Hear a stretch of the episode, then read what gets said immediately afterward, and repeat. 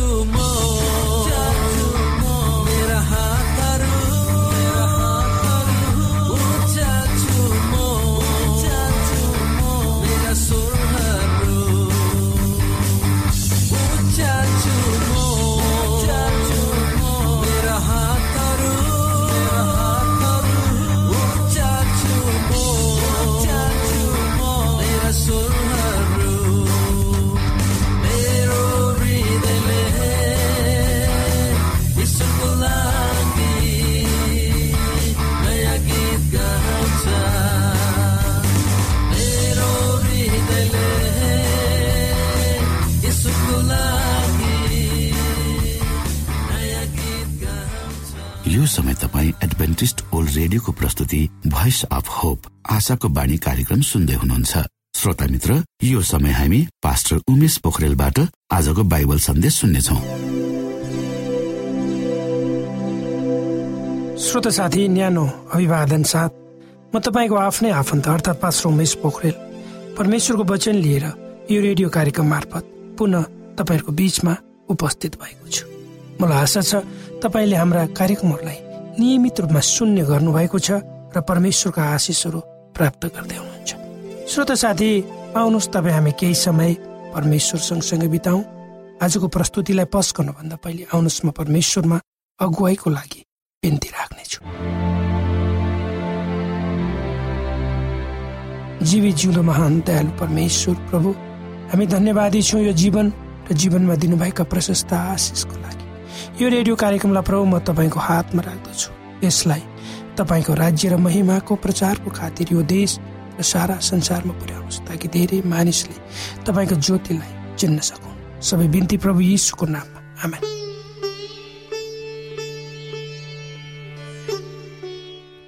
श्रोत साथी जब प्रभु यीशु क्रिस यो संसारमा हुनुहुन्थ्यो उहाँले शिक्षा दिने कामहरू गर्नुभयो।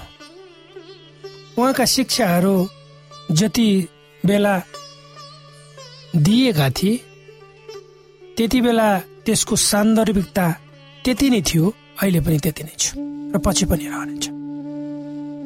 जब प्रभु यीशु क्रिस्ट संसारमा हुनुहुन्थ्यो धेरै मानिसहरूले स्वर्गको राज्यको बारेमा उहाँलाई प्रश्न गर्ने गर्थे।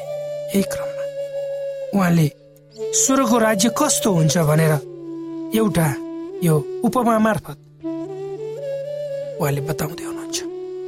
जुन कुरालाई पवित्र धर्मशास्त्र मत्तीको तेह्र अध्यायको पैँतालिस पदमा र छयालिस पदमा लेखिएको छ। आउनुहोस् हामी पढौँ। पवित्र धर्मशास्त्र मत्ती तेह्र अध्यायको पैँतालिस छयालिस पदहरू। फेरि स्वर्गको राज्य असल मोतीहरू खोज्ने एउटा व्यापारी जस्तो। त्यसले एउटा बहुमूल्य मोती भेट्टाएपछि गएर आफूसँग भएका सबै थोक बेचेर त्यो मोती किन्यो। हो श्रोत साथी यो हाम्रो आफ्नै समाजमा यसलाई हामी बुझ्न नसकौँला। तर यदि परमेश्वरका वचनहरूमा हामीले डुबाउने प्रयास गर्यौँ र यी भनाइहरूको अर्थ खोज्ने प्रयास गर्यौँ भने निश्चय नै हामीलाई त्यो बुझ्ने ज्ञान परमेश्वरले दिनुहुनेछ।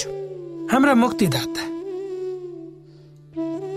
अर्थात् प्रभु यीशुले यो प्रेमको आशिषहरूलाई एक बहुमूल्य मोतीकोसँग तुलना गर्नुभएको यहाँ पाइन्छ। उहाँले आफ्नो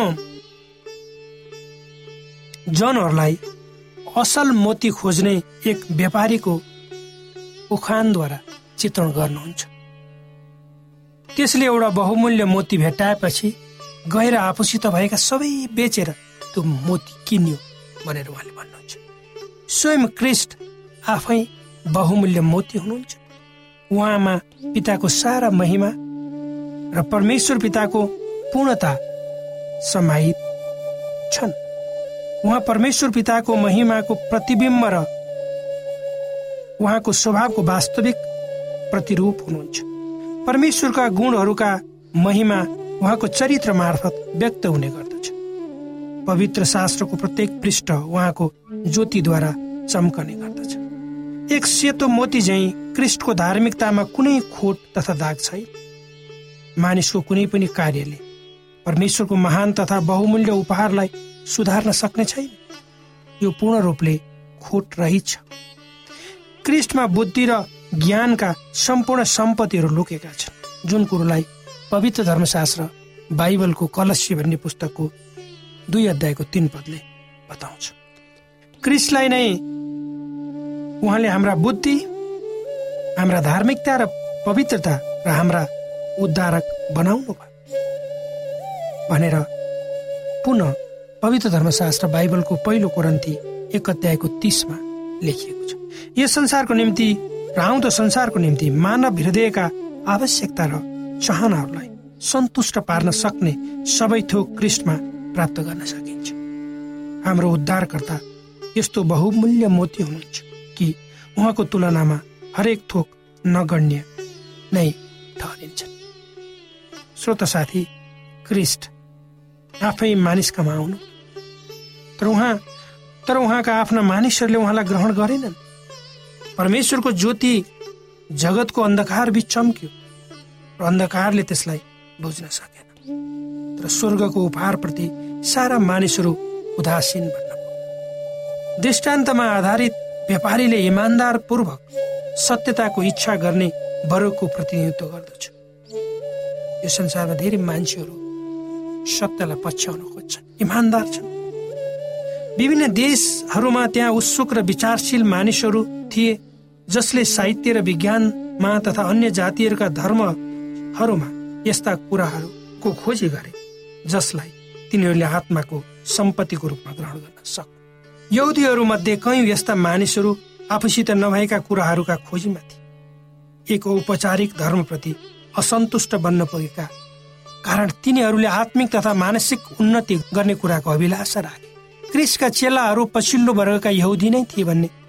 कर्निलियस तथा इथोपियाले नपुंसक चाहिँ पहिला समूहका यहुदी थिए। तिनीहरूले स्वर्गदेखि ज्योति प्राप्त गर्नको निम्ति आशा राख्दै प्रार्थना गरिरहेका थिए। र जब क्रिस तिनीहरूको सामु प्रकट हुनुभयो तब तिनीहरूले उहाँलाई सहर्ष ग्रहण गरे। दृष्टान्तमा मोतीलाई एक उपहारको रूपमा जनाइएको छैन। एक व्यापारीले आफूसँग भए सबै पैसा तिरेर त्यो मोती किन्यो। क्रिस्टलाई पवित्र शास्त्रमा एक उपहारको रूपमा जनाइएकै कारण कयौँले यसको अर्थको बारेमा प्रश्न गर्ने गर्दछन्। उहाँ केवल यस्ता मानिसहरूका निम्ति मात्र एक उपहार हुनुहुन्छ। जसले स्वयं आफैलाई नसोचेर आफ्नो आत्मा शरीर र मन उहाँमा सुम्पर्ने गर्दछ। हामीले स्वयं आफैलाई कृष्ण सुम्पर्नु पर्नेछ। र उहाँका सबै मागहरू स्वेच्छाका साथ पुरा गर्दै आज्ञाकारी जीवन बिताउनु पर्नेछ। हामी जे जस्ता छौँ हामीसँग जे जति प्रतिभा तथा सामर्थ्यहरू छन् ती सबै परमप्रभुका हुन् जुन उहाँकै सेवाको निम्ति अर्पण गरिनुपर्छ। यस प्रकार जब हामीले स्वयं आफैलाई उहाँमा पूर्ण रूपमा सुम्पर्ने गर्दछौँ तब क्रिस स्वर्गको सारा सम्पत्तिका साथ स्वयं आफैलाई हाम्रो निम्ति सुम्पर्ने हुनेछ यस प्रकार हामीले बहुमूल्य मोती प्राप्त गर्न गर्नेछौँ। मुक्ति एक सित्तेको उपहार श्रोता। त्यही पनि यसलाई खरिद र बिक्री गरिनुपर्छ। ईश्वरीय करुणाको प्रबन्ध गर्ने बजारमा बहुमूल्य मोती बिना पैसा वा बिना मूल्य खरिद गरिएको रूपमा जनाइएको छ। यस बजारमा सबैले स्वर्गका वस्तुहरू प्राप्त गर्न सक्नेछ। सत्यताका गहना ढुकुटी सबैका निम्ति खुल्ला छ। हेर मैले तिम्रो सामान्य ढोका खुल्ला राखिदिएको छु। जो कसैले थुन्न सक्दैन कुनै पनि तरवारले यस ढोकालाई पहरा दिन सक्ने छैन। ढोका भित्रबाट ढोकाबाट यस्तो पुकार आउँछ। मुक्तिदाता आऊ मुक्तिदाता उत्सुकता पूर्वक प्रेम पूर्वक यसरी हामीलाई आमन्त्रण गर्नुहुन्छ। धनी हुनलाई आगोले खारेको सुन किन्ने म तिमीलाई सल्लाह दिन्छु। क्रिसको सुसमाचार सबैले प्राप्त गर्न सक्ने आशिष हो। सर्वाधिक धनी मानिसहरूका साथसाथै गरिब भन्दा गरिबहरू पनि मुक्ति खरिद गर्न सक्छ किनकि सांसारिक धनको कुनै पनि परिणामद्वारा यसलाई प्राप्त गर्न सकिने छैन। स्वेच्छापूर्वक अनाज्ञाकारिताद्वारा तथा स्वयं आफैलाई क्रिस्टकै खरिद गरिएको सम्पत्तिमा सम्पत्तिका रूपमा सुम्पिएको खण्डमा यो आशिष प्राप्त हुनेछ। शिक्षा चाहे त्यो सबैभन्दा उच्च श्रेणी किन किन नहोस् यसले एक व्यक्तिलाई परमेश्वरको समीप ल्याउन सक्दैन। फरिसीहरू हरेक सामाजिक तथा आत्मिकी लाभद्वारा निगा प्राप्त जाति थिए। र तिनीहरूले घमण्डपूर्वक यसो भने हामी धनी छौँ। तैपनि तिमीहरू दुखी तिनीहरू दुखी दयनीय दरिद्र अन्धा नाङ्गा थिए। क्रिसले तिनीहरूका सामु बहुमूल्य मोती पेश गर्नुभयो तर तिनीहरूले यसलाई स्वीकार गरेन उहाँले तिनीहरूलाई भन्नुभयो कर उठाउनेहरू वेश्याहरू तिमीहरूभन्दा अघि परमेश्वरको राज्यमा प्रवेश गर्नेछ श्रोत साथी हामीले मुक्ति कमाउन सक्दैनौँ तर हामीले यसलाई त्यही चाख र धैर्यताका साथ खोजी गर्नुपर्नेछ कि मानव हामी यसको निम्ति संसारका सारा थोक त्याग्न तयार हुनेछौँ। हामीले बहुमूल्य मोती खोजी गर्नुपर्नेछ तर सामाजिक बजारहरूमा वा सांसारिक उपायहरू मार्फत होइन। हामीले तिर्नुपर्ने मूल्य भन्नु सुन वा चाँदी होइन। किनकि यो त परमेश्वरकै अधिकारमा छ सांसारिक वा आत्मिक प्रधानताले तपाईँलाई मुक्ति दिलाउनेछ भन्ने विचार त्याग्नुहोस् परमेश्वर तपाईँको स्वैच्छिक आज्ञाकारिता चाहनुहुन्छ। उहाँ तपाईँलाई आफ्ना पापहरू त्याग्ने आज्ञा गर्नुहुन्छ। क्रिस घोषणा गर्नुहुन्छ। जसले जित्छ त्यसलाई म मेरो सिंहासनमा मसित बस्न दिनेछु। जसरी म आफैले पनि जिते र मेरो पितासँग उहाँको सिंहासनमा बसेको छु कुनै मानिसहरू निरन्तर रूपमा स्वर्गीय मोतीको खोजीमा रहेका रूपमा देखा पर्दछ। तर तिनीहरूले आफ्नो गलत बानीहरूलाई पूर्ण रूपमा त्याग्ने गर्दै तिनीहरू आफूभित्र क्रिस्टको बास होस् भन्ने उद्देश्यका साथ स्वयं आफैलाई मृत्युमा पार्ने गर्दैन। तसर्थ तिनीहरू बहुमूल्य मोती फेला पार्न असफल बन्न पुग्छ तिनीहरूले अपवित्र अभिलाष र आफ्ना सांसारिक प्रलोभनहरू विरुद्ध विजय हासिल गरेका छैन।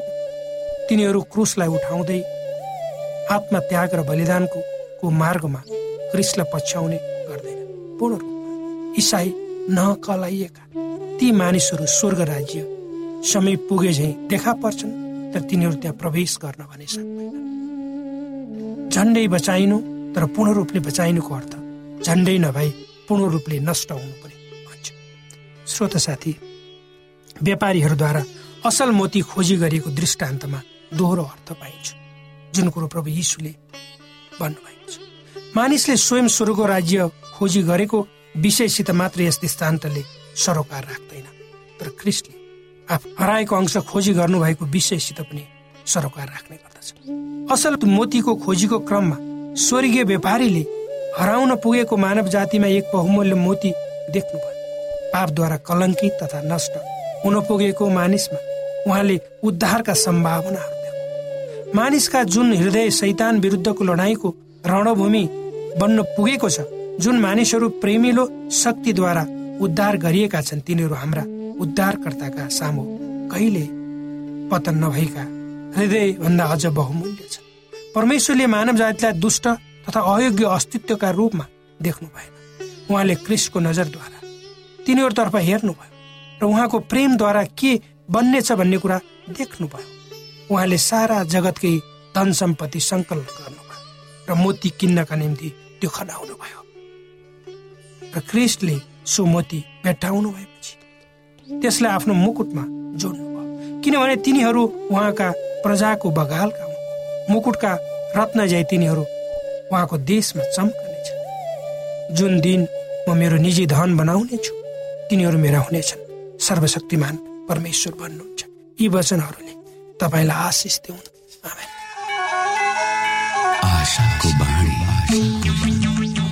श्रोता भर्खरै यहाँले पास्टर उमेश पोखरेलबाट बाइबल वचन सुन्नुभयो।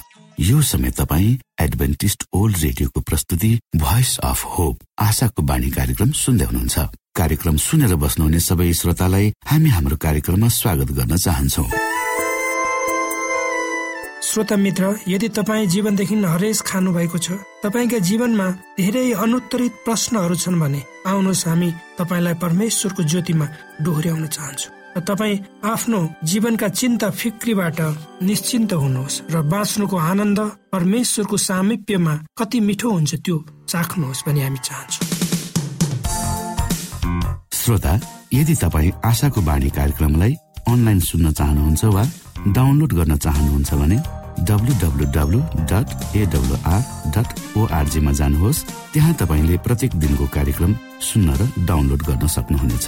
हाम्रो वेब पेज यस प्रकार छ W dot AWR dot ORG श्रोता यदि तपाईँ हामीसित सिधै फोनमा सम्पर्क गर्न चाहनुहुन्छ भने हाम्रा नम्बरहरू यस प्रकार छन्। अन्ठानब्बे एकसाठी पचपन्न शून्य एक सय बिस। अन्ठानब्बे एकसाठी पचपन्न शून्य एक सय बिस। र अर्को अन्ठानब्बे अठार त्रिपन्न पन्चानब्बे पचपन्न। अन्ठानब्बे अठार त्रिपन्न पन्चानब्बे पचपन्न।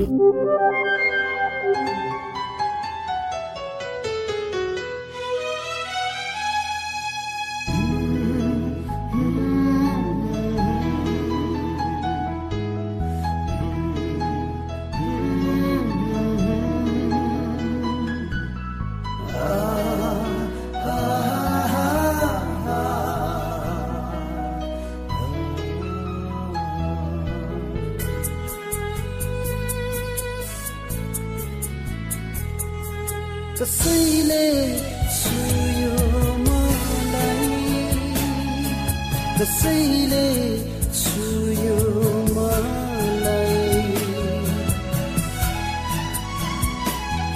जब रोइरहेको थिएँ छुयो मलाई। जब रोइरहे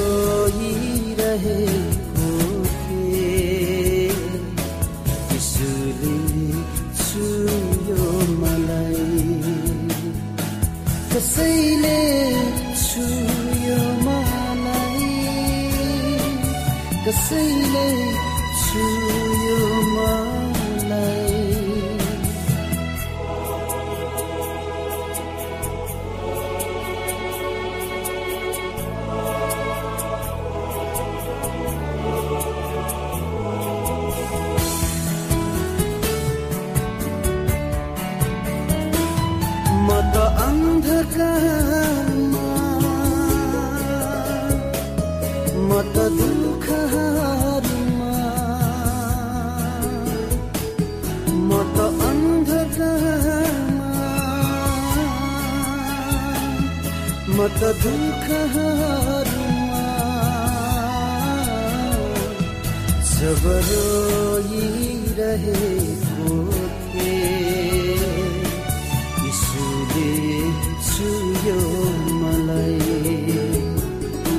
रोइरहेको थिएँ छुयो मलाई। हेर म तिम्रै साथमा छु। मैले तिमीलाई भनेकै थिएँ। तिमीलाई छोड्ने छुइनँ न त त्याग्ने नै छु। तिम्रो नाउँलाई मैले मेरो हत्केलामा खोपेर राखेको छु। मेरो आवाजलाई सुन।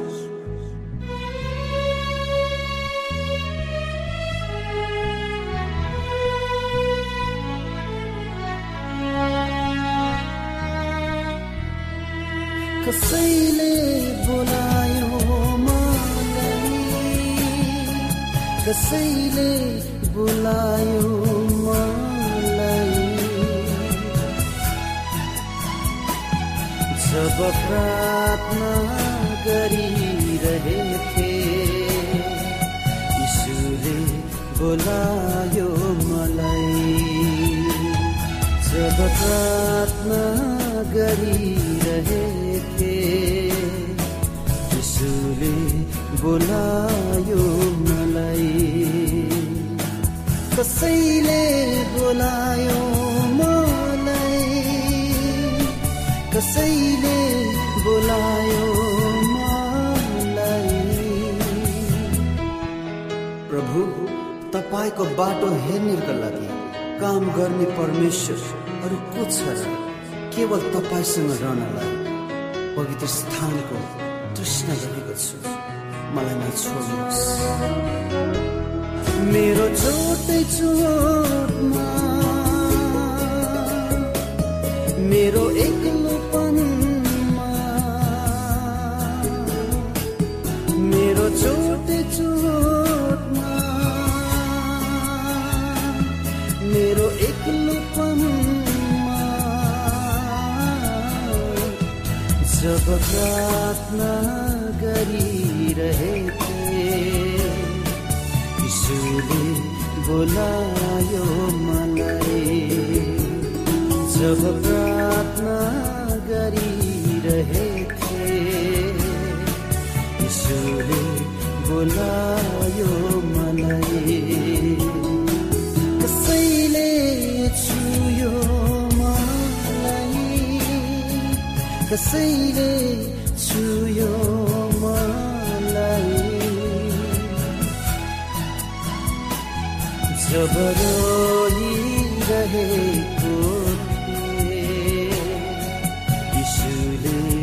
छुयो मलाई कसैले श्रोता घडीको सुईले समय सकिन लागेको संकेत गरिसकेको छ? श्रोतासँग अरू समय बिताउने चाहना हुँदा हुँदै पनि हामीले कार्यक्रमबाट विदा माग्ने समय आइसकेको छ। हाम्रो कार्यक्रमको विषयमा जानकारी लिनको लागि हाम्रो कार्यक्रममा सम्पर्क गर्नका लागि हाम्रो ठेगानाको बारेमा यहाँलाई जानकारी गरौं। आशाको बाणी पोस्ट बक्स नम्बर दुई शून्य शून्य शून्य दुई काठमाडौँ नेपाल। यसै गरी श्रोता यदि तपाईँ हामीसित सिधै फोनमा सम्पर्क गर्न चाहनुहुन्छ भने हाम्रा नम्बरहरू यस प्रकार छन्। अन्ठानब्बे एकसाठी पचपन्न शून्य एक सय बिस। अन्ठानब्बे एकसाठी पचपन्न शून्य एक सय बिस र अर्को अन्ठानब्बे अठार त्रिपन्न पन्चानब्बे पचपन्न। अन्ठानब्बे अठार त्रिपन्न पन्चानब्बे पचपन्न। श्रोता तपाईँ हामीलाई इमेल पनि गर्न सक्नुहुन्छ। हाम्रो इमेल एड्रेस यस प्रकार छ Nepal at AWR dot ORG Nepal at AWR dot ORG यदि तपाईँ हामीलाई अनलाइन सुन्न चाहनुहुन्छ वा डाउनलोड गर्न चाहनुहुन्छ भने तपाईँ W W W dot AWR dot ओआरजीमा जानुहोस् र त्यहाँ तपाईँले हाम्रो सबै कार्यक्रमहरू सुन्न सक्नुहुनेछ। हवस् त श्रोता हाम्रो कार्यक्रम सुनिदिनु भएकोमा एकचोटि फेरि यहाँलाई धन्यवाद दिँदै भोलि फेरि यही स्टेशन र यही समयमा भेट्ने बाजा गर्दै प्राविधिक साथी राजेश पास्टर उमेश पोखरेल र कार्यक्रम प्रस्तुता म रवि यहाँसँग विदा माग्दछौ। परमेश्वरले तपाईँलाई धेरै धेरै आशिष दिनु भएको होस्। नमस्कार।